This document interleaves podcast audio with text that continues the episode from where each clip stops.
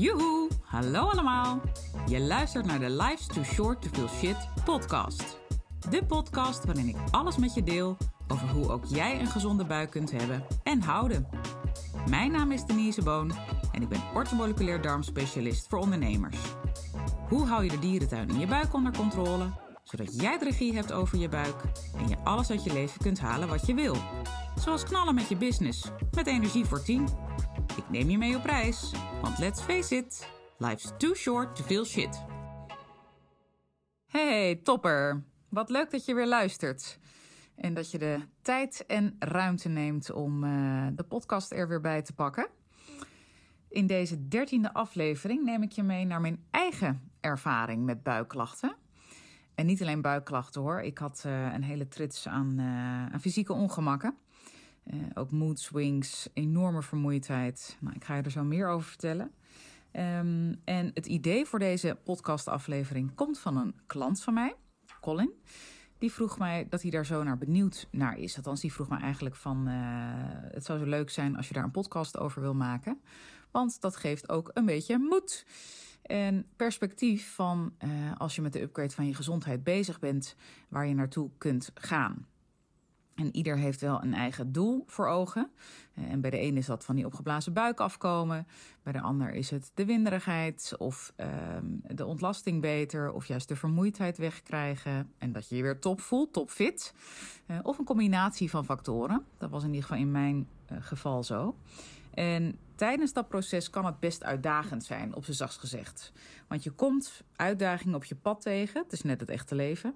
En uh, om dan door te zetten, dat kan uh, nou ja, heel challenging zijn. En uh, vandaar dat ik het zo'n mooie vraag vond van Colin, dat hij zei... Nou, het zou mij helpen en ik ben ook echt heel benieuwd naar wat jouw verhaal is. En ik weet dat jij je ook heel erg slecht hebt gevoeld. maar ja, nu, hè, ja, blaakje van gezondheid, ja, deel je ervaring. Dus Colin, veel dank daarvoor. En hierbij um, ga ik het delen met je. Of eigenlijk dus met iedereen die luistert.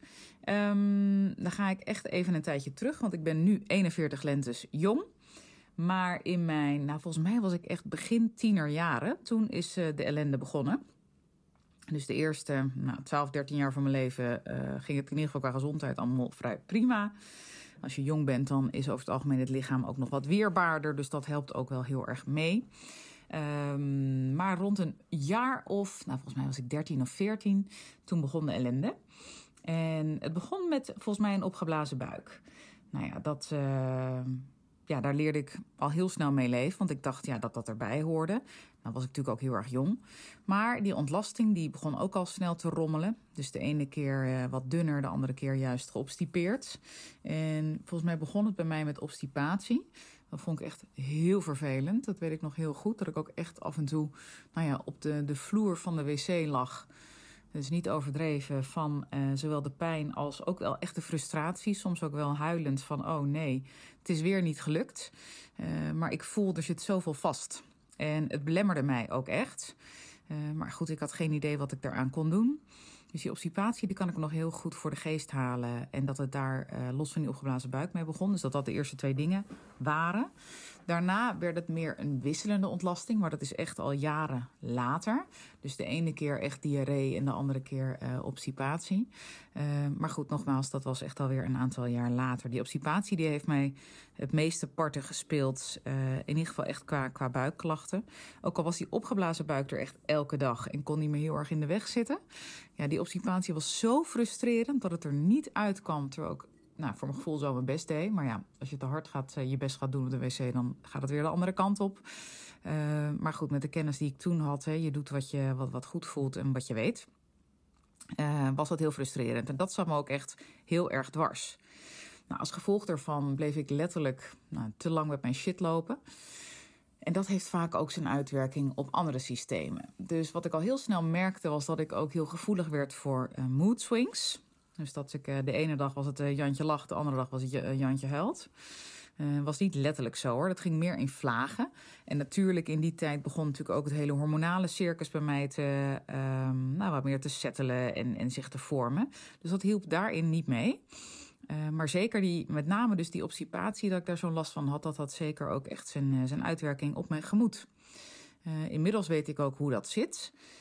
er worden ook allerlei, nou ja, hè, ik noem maar eventjes afvalstoffen, blijven dus letterlijk vastzitten in je darmen en kunnen daardoor weer andere stoffen um, activeren, waaronder meerdere biogene amines. Nou, dat klinkt misschien meteen een beetje abracadabra. Histamine is bijvoorbeeld ook een biogene amine, maar ook serotonine is een biogene amine. Los van neurotransmitters en hormonen, wat ze ook allebei zijn overigens. Um, maar serotonine heb je voldoende nodig voor zowel een goede darmwerking, hè, darmperistaltiek, dus dat, het, uh, dat de ontlasting goed uh, en in de juiste tempo, zeg maar, het juiste tempo uh, door wordt gekneed richting de uitgang, maar ook voor een goede gemoedsrust en goede gemoedstoestand. Nou, aan beide kanten haperde het bij mij dus sowieso hè, met die obstipatie. Nou, die darmperistaltiek was dus niet top. En ook qua gemoed, uh, daar ontbrak het dus behoorlijk aan, uh, aan de bouwstoffen. Uh, dus in die zin zat er ook, ja, werden dus ook allerlei stoffen aangemaakt. Ik weet zeker dat er ook heel veel putrescine is aangemaakt en cadaverine. Nou, ik zal je nu niet ver, ver, vermoeien met een halve masterclass. Dat zijn ook biogene amines. Maar bij cadaverine kun je je misschien wel iets voorstellen bij uh, de omschrijving, de naam. Uh, het zijn echt ontbindingsstoffen, om het maar even zo te noemen. Ja, en dat, die zijn heel toxisch. Die zijn heel uh, belastend voor het lichaam. En kunnen dus ook kort gezegd voor kortsluiting zorgen. Ook dus in je brein. Want dat heb ik volgens mij al een keer eerder genoemd. En daar ga ik zeker ook nog een keer een podcast aan wijden. Uh, er loopt onwijs veel communicatie, hè, vindt er plaats tussen de communicatiebanen die tussen de buik en het brein lopen. Dat is de hersen-darmas. En eigenlijk is het niet één as, want er zijn vier communicatiebanen vanuit de darm omhoog naar je brein. En slechts twee, tussen aanhalingstekens, van boven naar beneden. Ik vond dat zelf heel, uh, heel treffend, omdat het mij, voor mij in één keer heel duidelijk werd dat er dus meer gecommuniceerd wordt vanuit je darmen naar je brein dan andersom. Omdat er gewoon ook meerdere communicatiewegen, meerdere routes daarvoor liggen. Nou, inmiddels weet ik ook dat heel veel neurotransmitters ook worden aangemaakt in je darmen en uh, vervolgens dus omhoog worden vervoerd.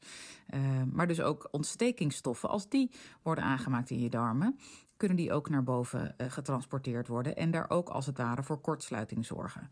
Dan weet je een klein beetje hoe dat zit en waarom bijvoorbeeld zoiets onwijs vervelends zoals obstipatie meteen al echt voor heel veel mentale issues kan leiden.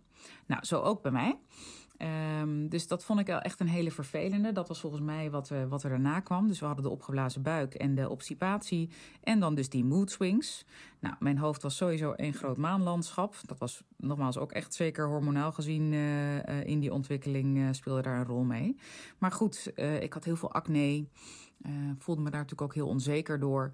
En dat hielp ook niet echt mee in zelfvertrouwen en in me fijn voelen over mijn lijf en mijn lichaam. En überhaupt mijn leven overigens. Want dat, ja, uiteindelijk wordt het allemaal best wel wat groter ook. Um, dus daar heb ik ook, um, ik wilde zeggen helaas ervaring mee. Maar het klinkt misschien raar dat ik dat zeg. Ik ben nu heel blij dat ik er ervaring mee heb. Want ik kan me daardoor heel goed inleven ook in mijn klanten. En hoe het voor hen is om deze fysieke ongemakken te ervaren. En soms is dat echt nog wel even graven, teruggraven naar die tijd hoor. Want dat is weer zo mooi hoe het brein werkt. Vaak onthouden we de leuke dingen en de moeilijke of de pijnlijke dingen. Hè, die, ja, daar zijn we goed in om dat in ieder geval in, grote lijnen te vergeten. Dat is ook waarom vrouwen een tweede, derde, vierde, soms vijfde kind krijgen. Um, dus het is heel mooi hoe de natuur dat, dat doet. Kan ook maken dat als je aan je ex denkt, dat je alleen maar de leuke momenten onthoudt. En niet meer de minder leuke momenten. Om ook maar even een andere kant van de medaille te noemen. Uh, maar goed, dat is nou eenmaal hoe de natuur is ingericht. En dat heeft ook een functie. Maar uh, ik kan me dus wel, als ik dus weer even een beetje terugga naar die tijd, kan ik me dat wel weer heel goed uh, voor de geest halen. En daardoor ook weer die fysieke ongemakken naar boven halen. Uh, wat me nu dus heel erg helpt met het inleven en dus ook het meedenken met mijn klant. of klanten. Um, ik wilde nog iets zeggen net. De, want we hadden het net over. Oh ja, dat wilde ik zeggen. De buikpijn. Daar had ik ook zo ongelooflijk veel last van. Nou, daar kun je misschien ook wel van alles bij voorstellen. Als je veel last van een opgeblazen buik. Bij mij knalde die buik zo naar voren dat uh, ja, die broekriem, of, of eigenlijk die knoop, moest gewoon echt open. Vaak ook in de schoolbank hoor, of stiekem onder tafel. Dan moest ik ook echt er goed aan denken dat als ik weer opstond, dat ik hem eerst even dicht deed. Ging nog wel eens mis, maar gelukkig zag, heeft volgens mij niemand dat ooit gezien. Um, maar goed, dat was natuurlijk heel vervelend. En dan zeker terug op de fiets naar huis, naar, uh, ja, was dat heel, heel naar. Dan had ik echt heel veel pijn. Maar buik buikpijnen en buikkrampen en echt van die steken. Ja, zeker naarmate de dag vorderde werd dat vaak uh, veel erger. Vandaar ook hè, dat ik dat nog heel goed uh, me kan indenken dat ik uh, echt wel meerdere malen op de grond van de wc lag. echt, nou ja, kermend van de pijn soms. Um, maar goed, ook dat heeft uiteindelijk een um, reden gehad, maar ook vooral heel veel oorzaken. En daar ben ik jaren later pas achter gekomen. Want zoals dat ging, uh, ik liep daar eigenlijk mee door. Mijn moeder heeft wel heel veel voor me gedaan en geprobeerd er oplossingen voor te, voor te vinden. Bedankt nog, mam, mocht je luisteren.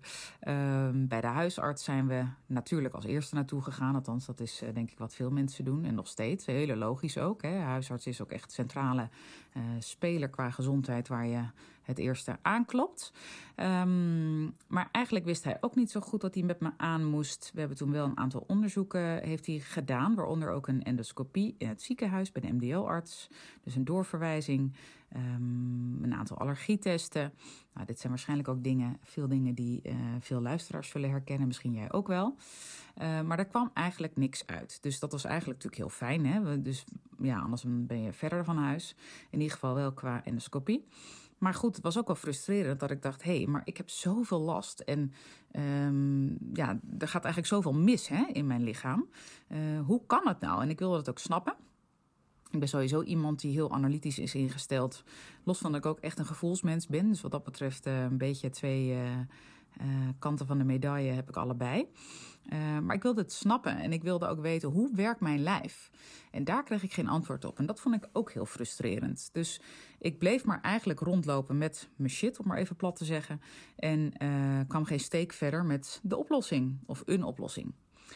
Um, nou, we gaan inmiddels even fast forward in de tijd. Dan gaan we naar mijn studententijd. Hele leuke tijd overigens gehad. Maar ik was wel altijd ongelooflijk moe. En zeker s'avonds, als we dan uh, hè, uh, lekker biertjes gingen drinken. Ja, dan was ik eigenlijk al kapot voordat ik uh, daar zeg maar de borrelzaal in liep. Of de kroeg in.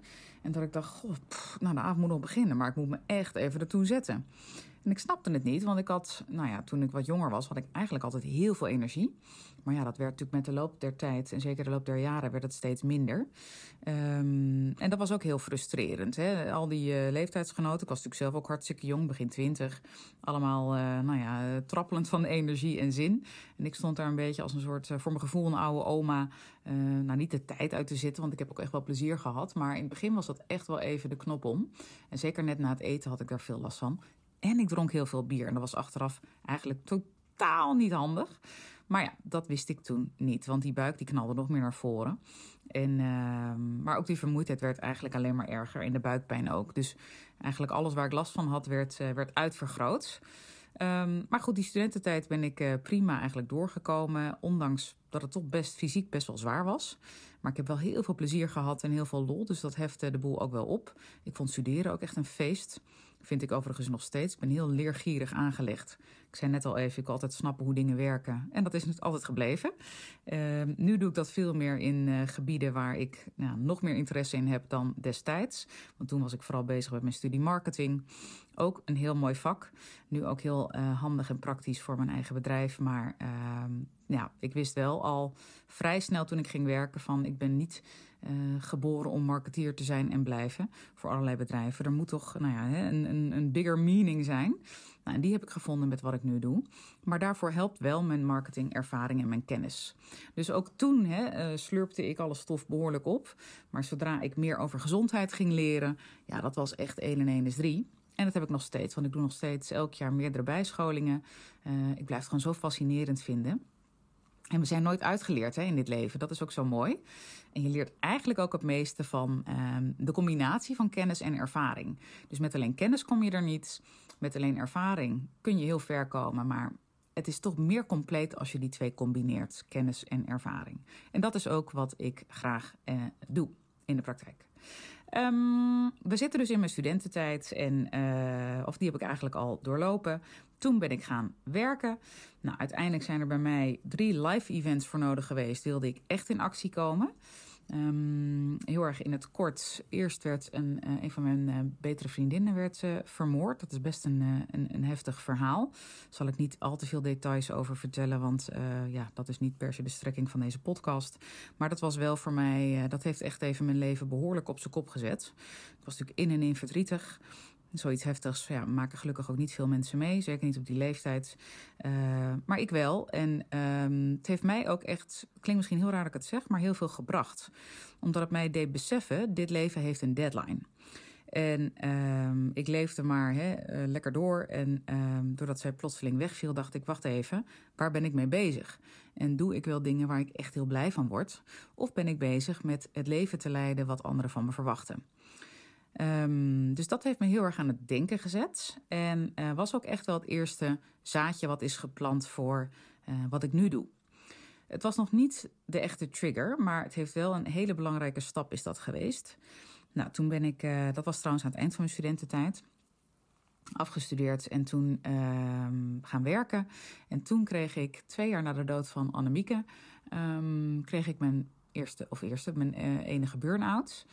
Nou ja, dat was natuurlijk ook, althans ook, ik vond dat heel raar. Dat je net gaat werken en dan in één keer een burn-out krijgt. Dat ik dacht, hè, het hoort toch helemaal niet als jonge meid. En uh, hoezo laat mijn lichaam me nu in de steek? Nou, dat was natuurlijk helemaal niet in de steek laten. Ik kreeg al heel lang signalen, maar ja, ik kreeg geen antwoorden. En uh, liep maar door. Wat ook heel logisch is, want ik had echt wel dingen geprobeerd uit te zoeken, maar ik kwam niet verder. Uh, toen die burn-out, nou, die heeft ook heel veel voor me gedaan. Um, uiteindelijk een half jaar thuis gezeten. Uh, super liefdevol trouwens ontvangen um, en, en begeleid ook bij uh, de baan die ik toen had en lieve collega's. Dus dat was onwijs dierbaar. Ik heb er ook heel veel aan gehad, aan die burn-out. En ook dat heeft me weer aan het denken gezet en ook aan het voelen van ja, Denise, je bent nu twee jaar verder.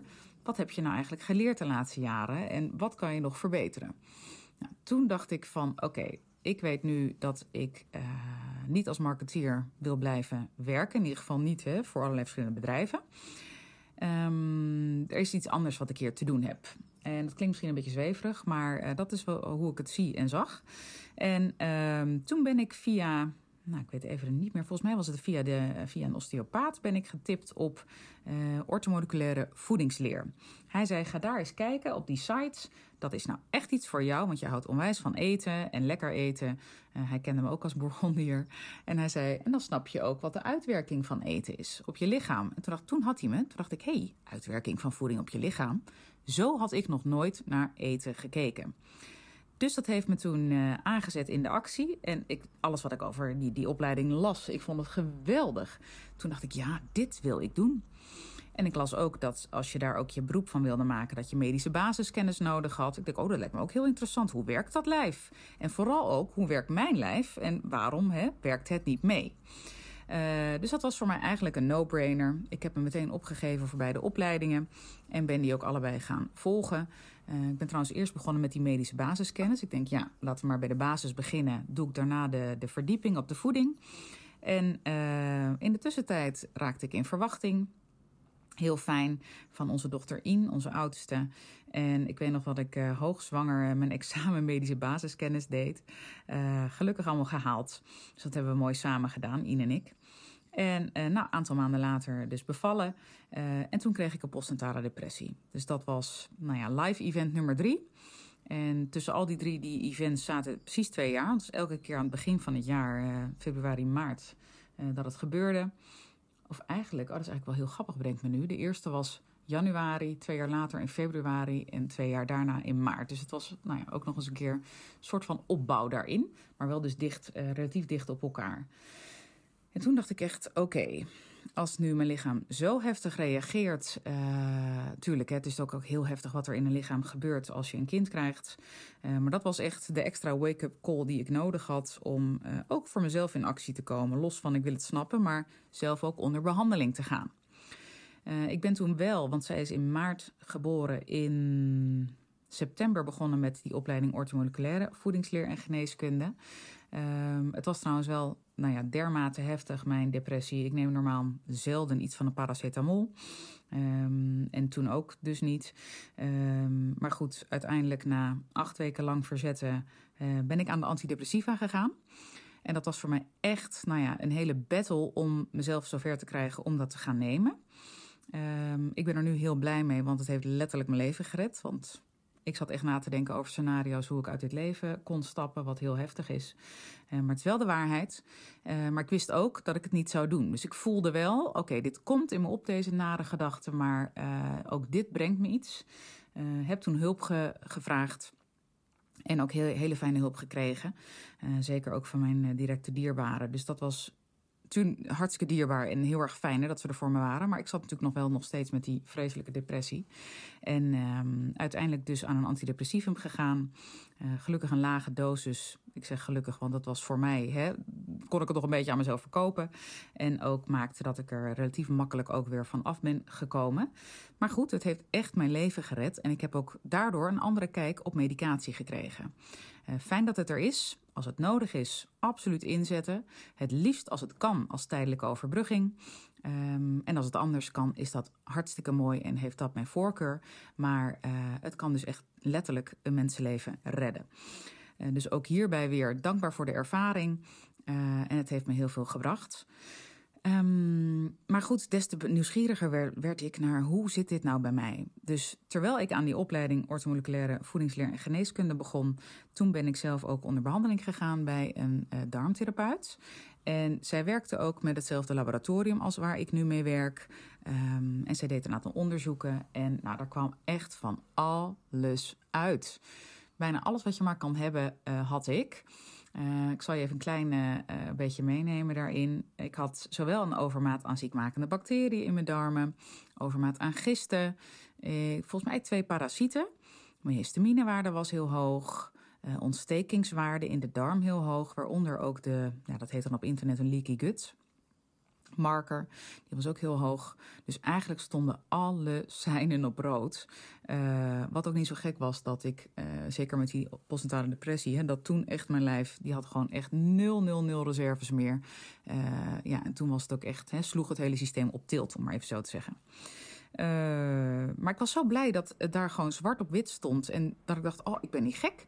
En nu snap ik wat er aan de hand is. En die vrouw kon me ook uitleggen dat het met elkaar in ver verband uh, um, stond. En waarom het ene door, door het ander werd beïnvloed. Dus het was heel prettig dat ik dat wist.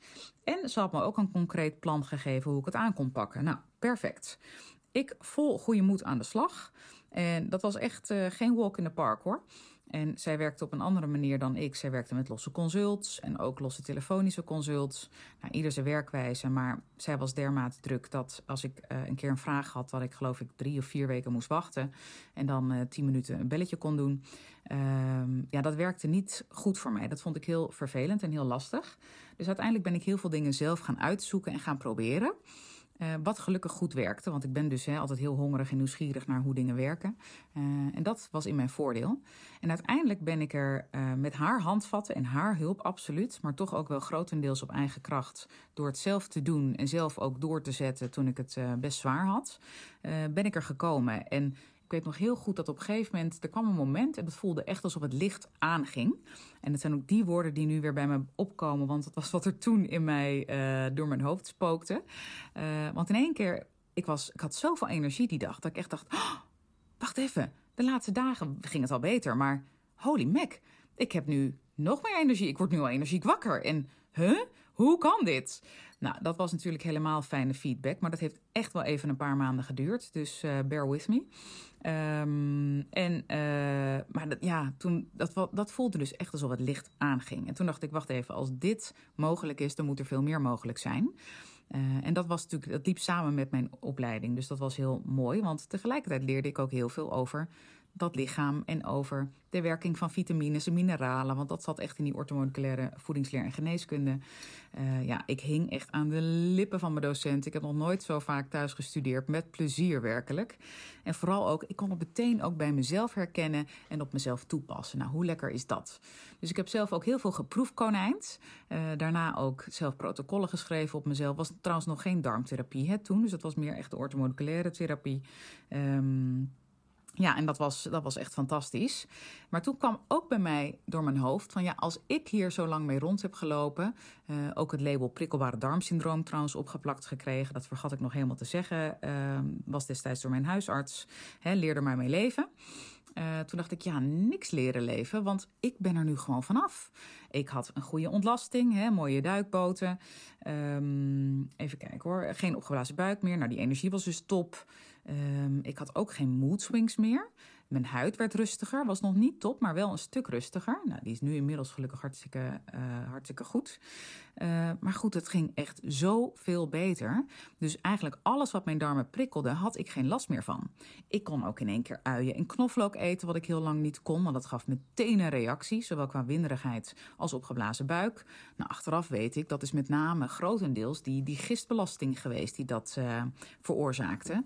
Want alles wat in de lookfamilie voorkomt, dat bevat stofjes, waaronder ook zwavel. Um, ja, wat heel erg prikkelend is voor onder andere die gisten. Dus als je daar te veel van hebt van die gisten, dan gaan ze van zich af, uh, hè, dan laten ze zich horen. Dus gaan ze van zich afbijten, om het maar even zo te zeggen. En kun je dat merken? Nou, dat is niet de hele uitleg hoor, maar dat is wel een belangrijk deel van uh, wat er vaak gebeurt hè, in zo'n reactie. Je goede darmbacteriën hebben er ook mee te maken, je vertering ook. Maar dan wordt het echt een masterclass en dat is niet de bedoeling. We houden het even uh, in de lijn met mijn eigen ervaring. Um, dus toen wist ik van, oké, als zoveel mensen, althans er moeten heel veel mensen dit ook hebben zoals ik. En zeker dat prikkelbare darmsyndroom, dat hoorde ik al vaker om me heen. Dus dat werd al iets, dus aanhalingstekens gewoner. Ik denk, ja, maar er moeten toch voor heel veel mensen nog wel oplossingen te vinden zijn. Dus toen werd mijn, uh, mijn drive eigenlijk geboren voor uh, dat ik wist, oké, ik ga ooit mijn eigen praktijk beginnen uh, als darmtherapeut. Toen wist ik ook, ah, dat betekent een bijscholing darmtherapie. Uh, ben ik daar naar op zoek gegaan. en dat betekent ook dat ik een keer ga stoppen met mijn marketingbanen. Nou, ik heb gelukkig een aantal hele leuke werkgevers gehad en heel veel geleerd tijdens die reizen. Um, en uiteindelijk even fast forward, want het duurde nog een paar jaar. Uh, want in de tussentijd hebben we mijn lieve kleine Tess uh, is nog gekomen, mijn tweede dochter. En toen was ik ook gelukkig totaal niet bang dat ik weer zo'n postnatale depressie zou krijgen. Want ik was met mezelf aan de slag gegaan qua. Um, emoties en hè, onderliggende trauma's. Daar had ik heel veel werk gedaan, ook onder andere met psychologen en uh, psychotherapeuten en ook spiritueel, uh, nou, spirituele werkers, om maar even zo te noemen. Dus heb ik heel breed uh, aangepakt. Het voelde heel goed voor mij, heeft me ontzettend veel gebracht. Maar ook met mijn lijf, wat ik dus net al even heb verteld. dus ik voelde, ja, wacht eens even, ik snap nu, mijn lijf stond toen echt volledig in, in de min, hè, in de reserves. En nu zijn die reserves weer opgebouwd. Sterker nog, er ligt gewoon een heel stevig fundament. Dus dat gebeurt me niet nog een keer, die postnatale depressie. En dat gebeurde inderdaad ook niet. Dus uh, dat was heel fijn. En uh, gaf mij ook meteen de feedback wat ik eigenlijk al voelde: van ja, mijn lijf kan dit nu aan. En mijn hoofd ook. En dat was een hele mooie uh, ervaring. En ook een mooie mix van die twee systemen, die ik ook echt voelde diep van binnen dat dat gewoon nu een heel stevig fundament was. Um, dus dat, nou ja, toen kwam Lieve Tess heel fijn. En toen een paar jaar daarna, volgens mij was ze twee of anderhalf. Nee, anderhalf was ze. Um, toen heb ik het. Uh, nee, ze was twee. Nou, maakt ook allemaal niet uit. Nu zit ik in de details te, te poeren. Ze was twee en toen, uh, toen heb ik het roer echt omgegooid. Dus ik had de basis al gelegd. Maar toen ben ik echt uh, mijn bedrijf begonnen. En ja, nou, hier staan we nu, een paar jaar verder. En uh, heel veel klanten al mogen helpen. Um, om ook dus nou ja, inzicht te krijgen in die oorzaken. Uh, daarvoor werk ik ook fijn samen met het lab, hè, RP Sanitas Humanus. Ontzettend fijn. Voelt echt uh, als partners samen en dat is geweldig. Um, toen ook daar de darmtherapie gevolgd en ook de darmspecialistenopleiding. Nou, heel veel ook bijscholingen bij hen. Uh, met heel veel plezier, maar vooral heel dankbaar en blij met de kennis die ik daarvan heb mogen opdoen. Want in de praktijk, ik zei het net al even, daar leer je misschien wel het meest. Maar het is echt de combinatie van kennis en praktijk die het uh, bijzonder maakt. En dat is zowel mijn eigen ervaring als ook mijn ervaring met het begeleiden van klanten. Want geen twee mensen zijn hetzelfde. Bij de een kan de opgeblazen buik uit een hele andere hoek komen dan de ander. En de een kan ook heel anders reageren op supplementen dan de ander. Dus Het is altijd uh, passen en meten en soms ook bijsturen waar nodig. Uh, en daar moet je flexibel in zijn. En dat maakt ook dat hoe meer ervaring je krijgt, hè, hoe, hoe beter je ook als therapeut wordt. Althans, daar ben ik heel erg. Uh, dat is echt mijn, mijn waarheid en ook mijn ervaring. Um, inmiddels, ja, ik ben gewoon ontzettend blij en dankbaar dat ik dit werk mag doen. Uh, ik ben ook heel erg blij en dankbaar voor de mooie contacten die ik met heel veel klanten heb. Met veel klanten bouw ik ook echt een uh, bijzondere band op, echt een klik. Er zijn zelfs vriendschappen uit voortgekomen, het is ongelooflijk. Ik heb één klant, Ilse, en die heeft mij al zo vaak hele lieve kaartjes gestuurd. Nou, dan kan ik echt tranen in mijn ogen krijgen. Um, gewoon heel dierbaar. En van de week appte ook een, een, klant met wie ik volgens mij een jaar of anderhalf jaar geleden het laatste gesprek had gehad. En die appte mij uit het niets. Goh, wat heerlijk om je stem weer te horen. Ik heb je podcast ontdekt. Wat fijn. En, uh, en kwam ook meteen met een heel uh, interessant onderwerp, slapen, waar ze meer over wil weten door haar werk en met de mensen met wie ze werkt, omdat die zoveel last hebben van slaapproblemen. En ze zei: Het zou zo mooi zijn als je daar nog iets over kan delen, want dat kan hen, hè, haar doelgroep, heel erg helpen. Nou, hartstikke mooie vraag, maar ik vond het zo dierbaar om weer van haar te horen. Even een, een greep hoor. Er zijn heel veel klanten met wie ik het heel fijn heb en ook heb gehad. Uh, maar dat maakt dit werk wel heel erg dankbaar. En het voelt ook eigenlijk niet als werken. Terwijl ik dit nu opneem, um, heb ik vakantie twee weken. Nou, ik kijk echt uit naar die podcastopnames. Her en der kan het soms wat meer gestroomlijnd. Maar weet je, ik begin tenminste. En het wordt waarschijnlijk steeds wat strakker.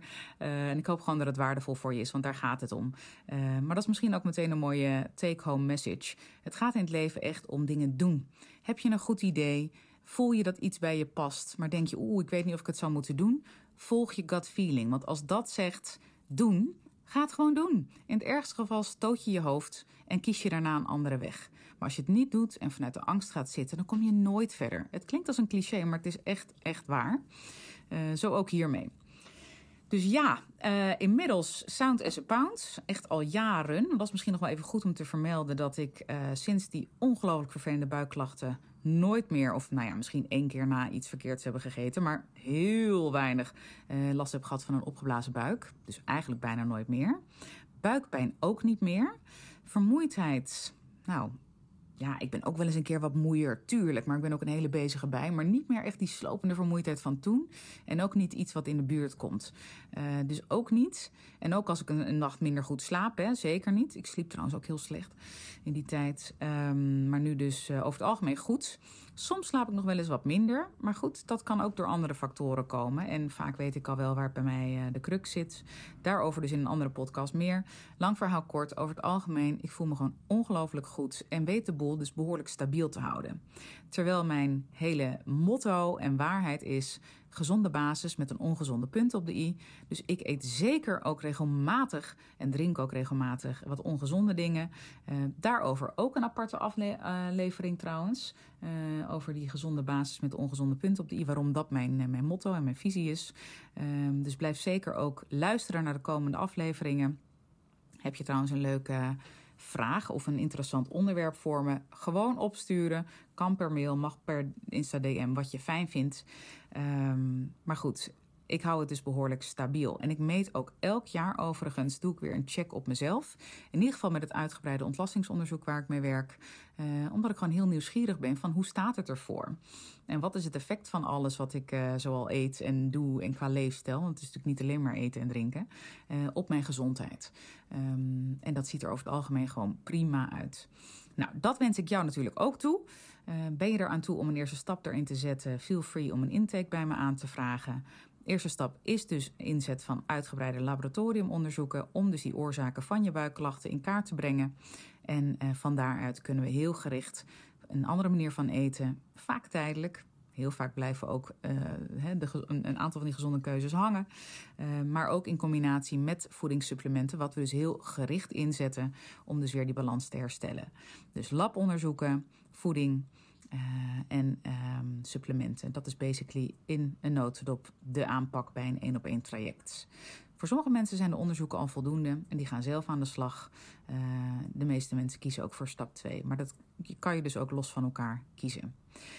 Ik hoop dat mijn eigen ervaring met mijn buikklachten waardevol voor je is geweest en een stukje perspectief aan je heeft gegeven wat er mogelijk is. Ehm, lees ook even ervaringen van andere klanten, uh, of andere klanten, van klanten ehm, op mijn site. Er is een apart tapje als het goed is voor. Je zult ook her en der op alle pagina's zelf wat, uh, wat reviews zien staan. Uh, ik ben ook altijd heel dankbaar als klanten reviews met me delen, of in ieder geval hun ervaring met me delen. En het oké okay vinden als ik dat voorzien van hun voornaam deel. dus bij deze ook alle klanten die dat hebben gedaan, heel veel dank. Um, nou, ik ga afronden. Heel veel dank en tot de volgende keer. Dag, dag. Toppers, bedankt voor het luisteren. Leuk dat je er weer was. Smaakt dit naar meer? Abonneer je dan even op mijn podcast. Zo zorg je ervoor dat je geen enkele updates mist en dat jij volledig up-to-date bent over hoe jij je buik gezond houdt with fun and ease. En als mijn afleveringen waardevol voor je zijn, laat hem dan even weten. Vind ik leuk. Je maakt me het meest blij met een korte review via iTunes of Spotify. Alleen het aantal sterren aangeven dat jij de podcast waard vindt is voldoende. Je kunt me ook taggen via Instagram. Bijvoorbeeld door een screenshot te maken van de aflevering en die via je verhalen te delen. Met beide dingen, zowel de rating als de screenshot van de aflevering, maak jij kans op een histamine maandmenu kookboek te waarde van 97 euro. De winnaar maken we bekend in de eerste podcast van de maand. Tot de volgende keer!